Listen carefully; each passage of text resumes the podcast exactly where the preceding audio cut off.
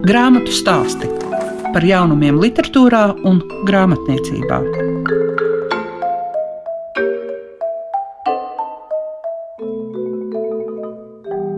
Ir klāts grāmatu stāstu laiks, un šoreiz varēsiet dzirdēt vairākus viedokļus un arī pārdomas par Ivetas Strālikas grāmatu Tūlīt paliks labāk. Jo to raksturojot, mēs varam teikt, ka tas ir gan stāsts par pirmo mīlestību, tās lomu cilvēka dzīvē, par pusauģu vecuma dumpīgumu un arī trauslumu, bet šeit neizpaliek arī jautājums par vardarbību, kas šobrīd tiek ļoti aktualizēts. Grāmatu stāstu veidotāja Lieka Piešiņa. Grāmatu stāsti programmā Klasika. Tūlīt paliks labāk. Tāds ir dots grāmatai nosaukums. Autori ir Iveta Trolika, ko mēs zinām arī kā žurnālisti. Un varbūt tas pirmais jautājums ir tieši par to, kāds ir tas solis, kad no žurnālista tu kļūsti par grāmatas autoru. Ziniet, Man ir jāsaka, godīgi. Es nekad neesmu jutusies kā īsta žurnāliste. Man vienmēr ir šķitis, ka īstie žurnālisti īstenībā raksta ziņas. Mana žurnālistika ir dzīves stila žurnālistika, kur ir ļoti daudz stāstu. Es satieku daudz cilvēkus, kuri man stāsta savus stāstus. Un tie visi krājas, pārklājas, ir savi mani stāsti, ir sveši, ir draugu, ir um, intervijas. Ļoti bieži intervijās ir kaut kas tāds, kur tiek uzlikts diktafonam roka virsū un teikts, bet šito lūdzu nerakstiet. Bet es jau to tos stāstus visus zinu. Un līdz ar to es domāju, ka tas ir tā likuma sakarīgi. Un es vienmēr arī esmu gribējusi rakstīt grāmatas. Man šķiet, tas jau bija maza, kad es teicu, ka es rakstīšu grāmatas, bet droši vien man nebija drosmes uzreiz rakstīt grāmatas, tāpēc es vispirms rakstīju rakstus. Un tad vienā brīdī tas viss ir sakrājies, nobriedis, bija laiks. Tā grāmata radās? Viņa radās no tādiem gabaliņiem, no situācijām, jo katrā ziņā tas, kā ir iznācis ar grāmatas iznākšanu, nu, tas ir trāpījis tā kā naglai uz galvas, jo tieši šī brīdī ir par šo vienalga kuru, bet vardarbības formu. Jā, ir ļoti aktualizējusies šobrīd tā tēma par vardarbību. Man bija svarīgi izstāstīt arī šo līniju, protams. Bet man ir jāsaka, godīgi, ka tas sākās daudz nenopietnāk. Man bija piedzimis mazs bērniņš, es biju aizsēdējusies mājās, es biju tāda apjukusi, ko man darīt, vai man atgriezties darbā, vai man tomēr kaut ko citu, kā jau reizēm mēdz būt. Un tad es aizgāju uz literāro akadēmiju. Es aizgāju uz literāro akadēmiju, un apmēram es tagad nepateikšu, bet nu, kaut kādas pirmās 50 lapas iespējams ir uzrakstītas tur. Tā vieta, kur beidzas ar pļauku lauku. Tas ir mans noslēguma darbs Literārajā akadēmijā pie Ievas Melngāles. Ieva toreiz, kad mums pasniedza diplomus un, un teica kaut kādus vārdus, tad viņa man toreiz teica, nu šis man patīk, šito es gribētu redzēt pabeigtu un publicētu. Un tad man tā palika prātā tā doma, mmm, pabeigtu. Ja man liekas, ka es jau esmu visu pabeigusi, bet uh, tas man iedeva to diedziņu, ka varbūt tur varētu kaut kas iet tālāk. Un man pašai, protams, arī bija tā sajūta kaut kur dziļi sevī, nu, ka var jau būt, ka tur ir tas turpinājums tam stāstam. Bet uh, pēc tam tas stāsts nogulēja, nu, man šķiet, gadus, divus, trīs. Un vienkārši sakrita tā, ka es tajā laikā nebiju Latvijā, kad es rakstīju šo grāmatu. Es biju Hāgā, es biju līdzi savam tolaik vīram. Viņš strādāja un sākās tieši Covid, kad bija skaidrs, ka es darbu nedabūšu, jo tur vienkārši viss vērās ciet. Un man bija laiks rakstīt, un tad es principā darīju divas lietas. Es gāju skriet uz jūru un rakstīju grāmatu. Tad bija labi, ka man bija tas iesākums, un es biju pati pārsteigta par to, kā tas stāsts auga un attīstījās. Jo, protams, ka tur ir daudz arī mana pieredze. Tas ir mans laiks, tie ir mani tie vēlīnie pusauģi gadi, tās ir manas pilsētas, tā ir Rīga un Ikšķila, tā ir mana skola, tās ir tās visas ieliņas, pa kurām es esmu staigājusi. Un es arī esmu daudz ko piedzīvojusi, bet ne tādā formā, kā tas ir aprakstīts. Un tomēr tas ir stāsts, kas ir izaudzis pats no sevis. Viņš pats sevi stāstīja tālāk. Es viņam sekoju, un reizēm es biju pati pārsteigta, ka es piesēžos no rīta un domāju, tā, nu šoreiz man ir pilnīgi tukša galva, es neko nezinu, ne, nu, nevarēšu uzrakstīt. Un tad es uh, sāku rakstīt un aiziet viena rindiņa, otra. Un, un tie tēli atdzīvojas, un tas vienkārši notiek. Grāmatu raksturojot, varētu arī teikt, ka tā ir terapija. Jā, tā noteikti ir terapija. Tā ir arī kā pamācība. Kā pamācība citiem. Jā. Man it kā gribētos no tā izvairīties, jo man pašai diezgan nepatīk, ja mani pamāca, un tad es domāju, ka arī nevienam citam tas nav tā īstenībā ne ļoti vērtīgi, ne, ne arī reāli izmantojami, ja viņu tā pamāca. Bet tas, ko es esmu sapratusi, kas manā dzīvē man ir palīdzējis, ir reizēm, ja es redzu, kā notiek citiem, un tad es varu no tā izdarīt tos savus secinājumus. Jo mums jau katram ir tomēr tā dzīve divi citādāki. Nekad nevar paņemt viens pret viens. Bet ir kaut kādas lietas, kur mēs droši vien varam sevi salīdzināt ar citiem un teikt, ka nu, jā, mēs piedzīvojam kaut ko līdzīgu. Tāpat arī par vardarbību. Es domāju, ka Ir cilvēki, piemēram, arī tagad, nu, šis gadījums, kas izskanēja, kas ļoti aktualizēja vardarbības tēmu.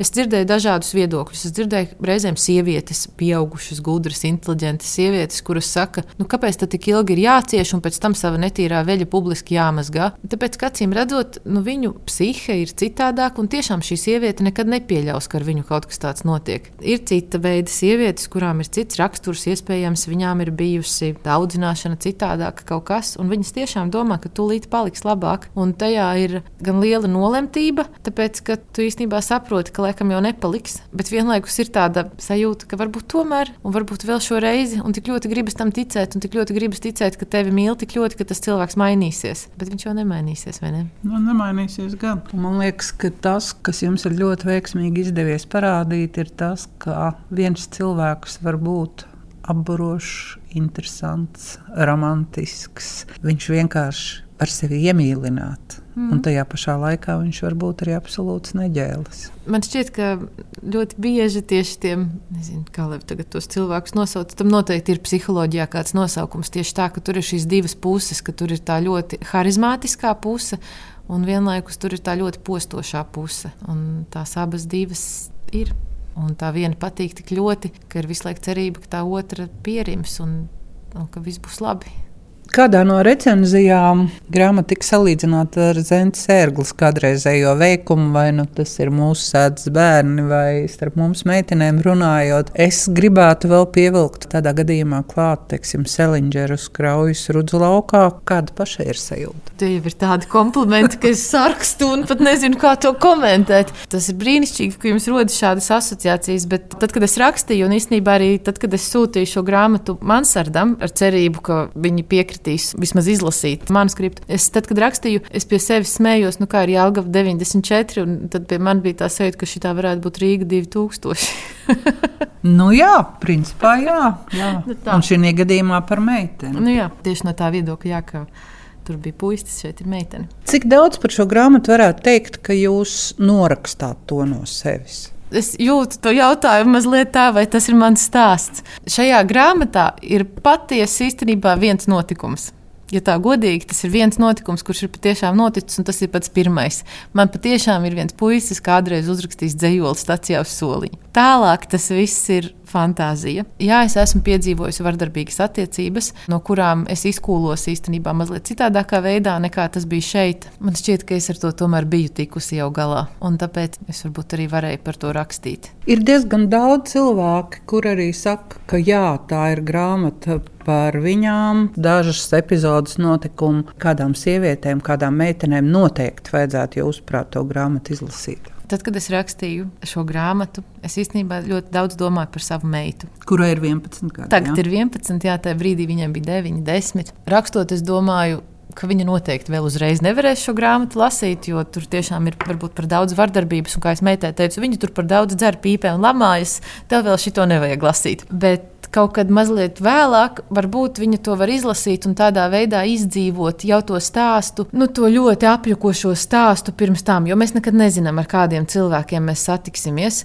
Un es, es joprojām nezinu, kurā pusē bija tā problēma. Mārija vai Laurā, kāpēc viņiem sanāca tā, kā sanāca. Jo pateikt, ka viens ir deformēts vai otrs, Droši vien tā nevar, vai ne? Tie divi puzles gabaliņi. Jo apaļāks tu būsi, ka tev nevar pieķerties tas otrs deformētais, jo ātrāk tu atpazīsi otrā to deformāciju un teiksi, nē, tu man nedrīkst tā darīt, jo labāk, jo veiksmīgāk. Un tāpēc es domāju, ka meitenēm, kurām vēl pat nav nekāda attiecību pieredze un kurām nav varbūt tā, es, es nezinu, kā var nodefinēt un pateikt, ka nu, šai meitenei pilnīgi noteikti nekad viņa neiekulsies nekādās sliktās attiecībās, bet ir meitenes, kuras ir maigas, kuras ir empātiskas, kuras ir iejūtīgas un viņas ļoti iespējams var mēģināt attaisnot. Jo, ko jau mēs sliktu, visu varam izskaidrot? Jā, mēs visu varam izskaidrot.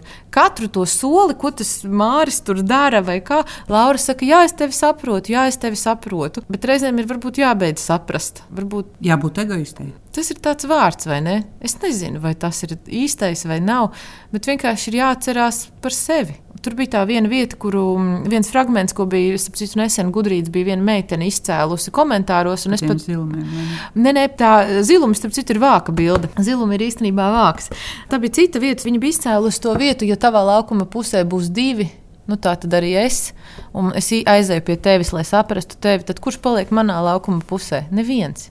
Un tad varbūt ir tā, ka mums ir vienkārši katram jāpaliek tajā savā laukuma pusē. Kas ir tas, ko jūs pati lasāt, vai ko jūs tagad arī rakstāt? Tagad es rakstu rakstus. es, eh, jā, tātad, kā jūs teicāt, es strādāju žurnālos un, un es rakstu tos rakstus. Ko es tagad lasu? Pēdējais, ko es ilsīju, bija Sandra Kalnietes grāmata. Tev būs četri vīri, jo bija intervija ar Sandru Kalnieti. jā, tas citu, ir ļoti interesanti. Tagad, kad es pati esmu uzrakstījis šo grāmatu, es esmu ļoti tādu jaunu interesi pievērsusies latviešu literatūrai. Es esmu izlasījusi Kristis Annas Belševicas stāstus. Es izlasīju Lindas Nemieras, Rīgas raganas. Man ļoti patīk Linda Nemiera. Man arī viņas tā kaču sērija ļoti patika, kas ir fantāzija, bet man ļoti patika. Jā, tas ir tāds mans jaunais pagrieziens, ka es esmu atkal pagriezusies uz latviešiem vairāk. Un ko jūs varat teikt par Kristus Annas grāmatu? Pelēkais suns. Skatās. Skatās zelta ziltiņām. Zelta ziltiņām. Jā, bet Krista ir manas grāmatas redaktore. Līdz ar to es ar viņu iepazinos šajā kontekstā, un man radās kaut kāds priekšstats par Kristu. Un tad es lasīju, un man bija ļoti interesanti lasīt. Man liekas, ka tie ir tādi ļoti gatavi stāsti ka viņi katrs ir tāds gatavs, mazs dārgakmenīts, kur viss ir skaisti un noslīpēti. Tādi ļoti skaisti un gatavi stāsti. Es saku paldies Ivetai Trolikai par tūlīt paliks labāk, bet grāmatu stāstu turpinājumā mēs varēsim dzirdēt Kristu Annu Belševicu un arī Kasparu Zalānu, kuri noraksturos nu, no sava skatu punktu grāmatu tūlīt paliks labāk.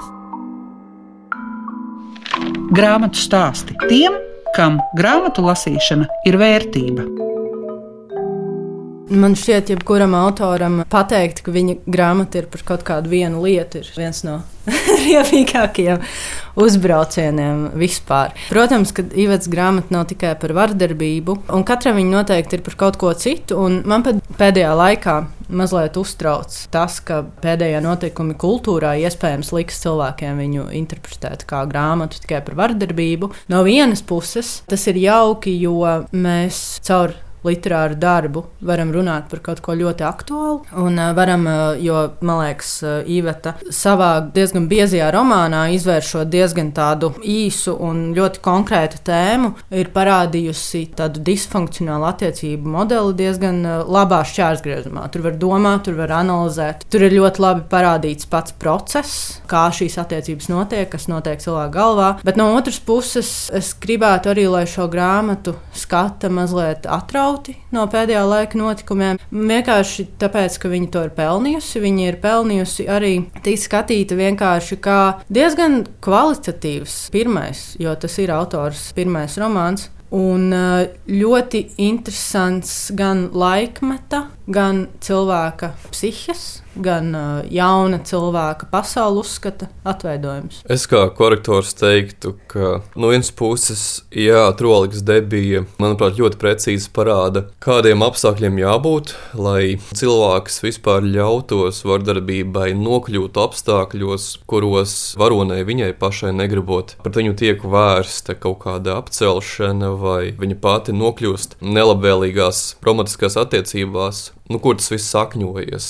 Gan ģimenes ziņā, gan arī sabiedrības ziņā. Bet no otras puses, kā jau uz to vedina nosaukums, es teiktu, ka grāmata tiešām ir par to, kā cilvēks var pakāpeniski no tā visa izkļūt, no šī vardarbības ietvara, ka tas nav vienkārši un tiešām, ka ir cilvēki, kas te pavisam arī tiem grib paturēt tajos apstākļos, bet ka no tā ir iespējams izkļūt ārā gan ar citu palīdzību, gan arī pašam. Un, manuprāt, tas šo grāmatu padara arī ļoti vērtīgu vērtīgi daudziem lasītājiem, bet es domāju, visvērtīgāko tiešām jaunākiem lasītājiem, lasītājām, meitenēm. Jo es domāju, ka autori tiešām diezgan apzināti to rakstījusi kā tādu iedvesmojošu darbu meitenēm, kuras varbūt nu, ne obligāti šādā situācijā, bet varbūt saskārušās ar kaut kādu apcelšanu, vai nu, kurām varbūt, diemžēl, vecāki ir bijuši nolaidīgāki vai neatbalstošāki. Es domāju, ka nu, ne tikai šāda grāmata, bet vispār šāda darba, šāda žanrs kopumā jauniem cilvēkiem ir ļoti vērtīgs, iedvesmojošs. No savas pieredzes arī atceros, kad tas rada apziņu, ka tiešām varbūt tā realitāte, kurā tu esi to brīdi, tas nav beigas, tas nav viss, kurā tu pavadīsi savu dzīvi. Ir iespējama izaugsme, ir iespējama izkļūšana, ir iespējama kaut kas jauns, nepieredzētāks, jaukāks. Un tā, man liekas, ir arī ārkārtīgi šīs grāmatas vērtība, jo patiesībā laikmatīgajā latviešu literatūrā, prozā, nu nav nemaz tik daudz tādu tiešām iedvesmojošu savā ziņā darbu jauniešiem, ir tīpaši jaunām meitenēm. Vai tajā grāmatā galvenais ir mākslas vērtība, vai te ir arī pieredze, psiholoģiskā palīdzība? Es domāju, tur gan izvarētu teikt, pat, ka līdzvērtīgi svarīgi tas ir, bet uh, grāmata ir tā uzrakstīta, ka nu, man tas vienā brīdī nelikās ne didaktiska, ne kaut kā pamācoša. Kā lasītājs var tiešām pats pie šiem secinājumiem nonākt. Autori ļoti uzsver, ka šis nav kaut kāds koalju, kurš tev pateiks, ka pasaule sadosies rokās un viss uzreiz sagrozīsies tev par labu. Nu, tur diezgan skaidri un skaudri parāda, ka tas prasa uh, savu darbu un tiešām sevis apzināšanos, un tas ceļš ir akmeņains un negluds. Tieši to sajūtu efektu rada tā valoda, tieši tas jaunaglīgais slēgis, piemēram, kas tajā visā ir ietverts, un tās varonas pārdomas, kas ir visas cauri, ka tu tiešām nu, saproti, nu, kur viņas komplekss sakņojas. Viņas šaubas, viņas pārdomas, viņas kaut kādu vērtību ļodzīšanās, un kā pamazām ar visiem kritieniem atpakaļ, un tādā garā nu, viņi kā cilvēks aug un, un mainās. Es laikam nenodalu savā prātā tik ļoti uh, grāmatas aktualitāti un literāro vērtību, jo, protams, jebkurai labi vai slikti uzrakstītai grāmatai, jebkurā brīdī var pienākt tas brīdis, kad viņa paliek ļoti aktuāla un sabiedrībai šis teksts ir vajadzīgs, lai caur to kaut vai kas notiek tagad ar uh, Trolikas grāmatu, caur to komunicētu par konkrētu pieredzi, par konkrētām situācijām, lai tā aktualizētu kaut kādus konkrētus problemātiskos aspektus sabiedrībā un parādītu, ka cilvēki ar šo pieredzi nav vieni. No otras puses, es nezinu, kā šo grāmatu uztvertu pirms simts gadiem vai uztvers pēc simts gadiem, bet viņa noteikti, pat ja tagad viņa primāri tiek skatīta dēļ savas aktualitātes, es domāju, viņai ir arī ļoti daudzas uh, interesantas literāras nianses, kaut vai tā pati forma. Jo latviešu literatūrā pēdējā laikā noteikti nav gadījies lasīt grāmatu, kas uztur tādu ļoti interesantu cirkulāru dinamiku, respektīvi, visu laiku iet pa apli un visu laiku tā forma nonāk līdz tam, tūlīt paliks labāk, un tad atkal apiet apli un atkal nonāk līdz tam. Un man šķiet, ja mēs runājam par tādiem, labi, neesmu psihologs pēc izglītības, bet par tādiem kognitīviem procesiem, kas cilvēku smadzenēs notiek, mēs ļoti, ļoti bieži, man šķiet, eh, iestrēgstam tādā nebeidzamajā, tāpēc to sauc dažkārt par vāveres riteni, ka mēs skrienam pa apli un ik pa laikam sev atgādinām vienu un to pašu lietu. Citi cilvēki nosauktu to par vienu un to pašu grābekli. Un, uh, man šķiet, šis kognitīvā procesa pārnešana romāna formā, jeb romāna forma, kas pielāgojas kaut kādam ļoti specifiskam eh, vai pat ļoti eh, vispār zināmam eh, kognitīvam procesam, man šķiet ļoti interesanti. Pēdējais piemērs atcerējos, kur man šķiet ļoti labi ir teksta forma pielāgot šiem kognitīviem procesiem, bija Kokorevičs rēgu stāstos. Un es arī lasīju un domāju, ka tas ir jauninājums, jo latviešu prozā es redzu, ka nevienmēr stāsta forma, jeb struktūra tiek tiešām pielāgota saturam. Nevis tu izdomā interesantu formu un izdomā, jā, es rakstīšu šajā interesantajā formā, jo viņa ir interesanta un tas izskatīsies forši un kritiķi to novērtēs. Bet tiešām es ļoti rūpīgi pielāgoju formu kaut kādam vai kognitīvam procesam vai kaut kādam varoņa sajūtu dinamikai. Un man šķiet, šīs grāmatas dinamika, forma manā izpratnē ir tāda interesantākā literārā vērtība šajā grāmatā. Izskan grāmatu stāsti. Šīs dienas raidījumā dzirdējāt Ivetu Troliku, Kristiānu Belševicu un Kasparu Zalānu, un tēma bija Ivetas Trolikas debijas grāmata Tūlīt paliks labāk. Visu labu jums saka Liega Piešiņa.